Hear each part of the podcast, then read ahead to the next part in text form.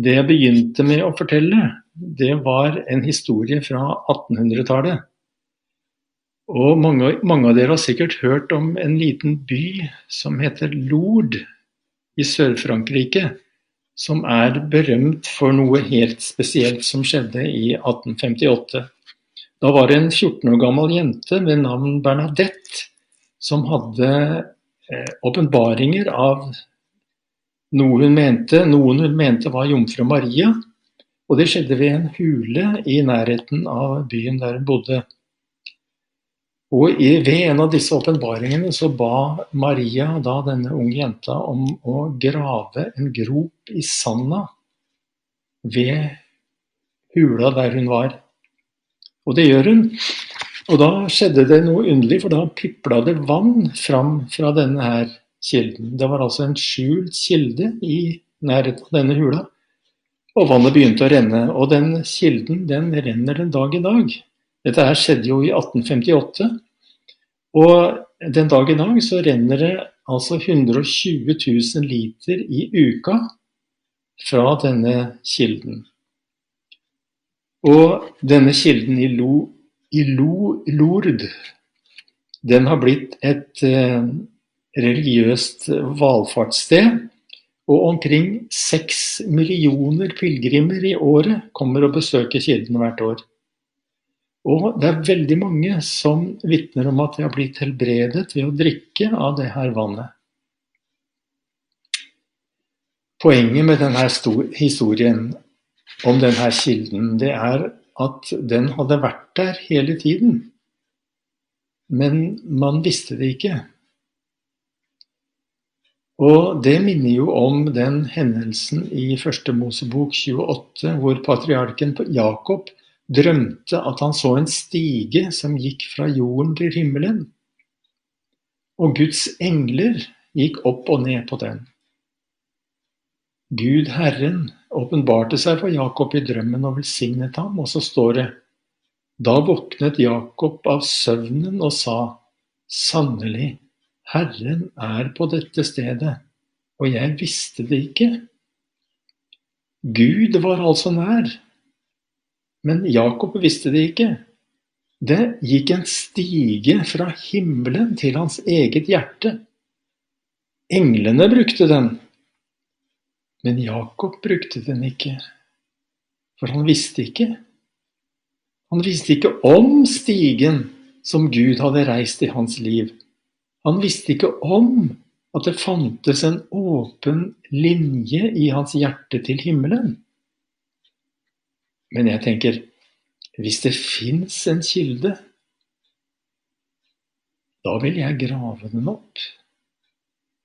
Og hvis det fins en sånn stige, da vil jeg klatre den.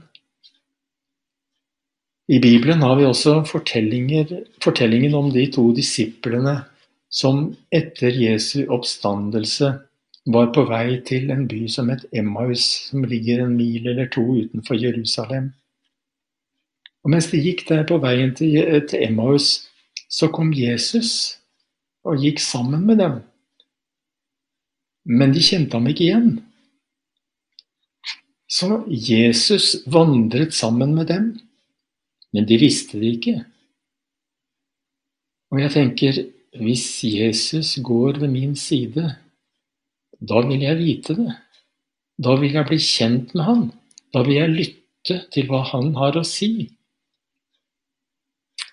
Her om dagen så leste jeg om en kvinnelig fiolinist fra Moldovia hennes navn er Patricia Kopatsjinskaja.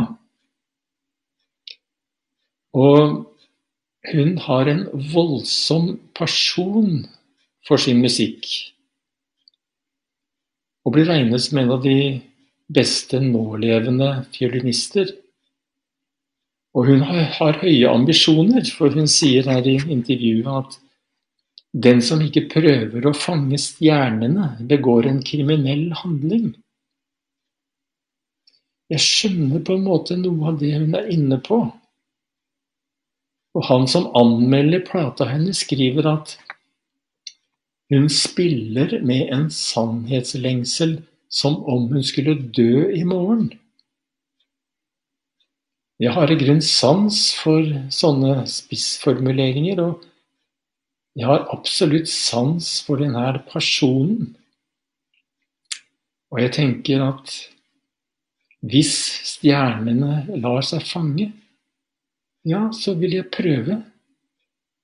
Og hvis det fins en hemmelig kilde, så vil jeg grave den opp. Hvis det er reist en stige til himmelen, så vil jeg gå den. Og fins det en himmelsk ild, så vil jeg brenne med den. Fins det et Guds rike, så vil jeg ha mitt borgerskap der. Fins det en oppstandelse, så vil jeg ha del i den. Fins det et evig liv, så vil jeg leve det. Og hvis Jesus går ved min side, så vil jeg møte ham. Og det er kristen tro at alt dette er sammenfattet i Kristus. Han er både urkilden, han er himmelstigen, og han er den ukjente medvandreren. Han er Gud med oss. Han er Gud iblant oss. Og han er veien og sannheten og livet. Og hvis jeg måtte tale som om jeg skulle dø i morgen, da var det dette jeg ville ha sagt. La oss be en bønn. Allmektige Far, vi ber deg, gjør våre øyne åpne, så vi ser at du er med oss, så vi ser at du er vår hjelper og vår forsvarer. Og nå, og nå ber vi deg, allmektige Gud, trøst de som er redde, forbarm deg over de små.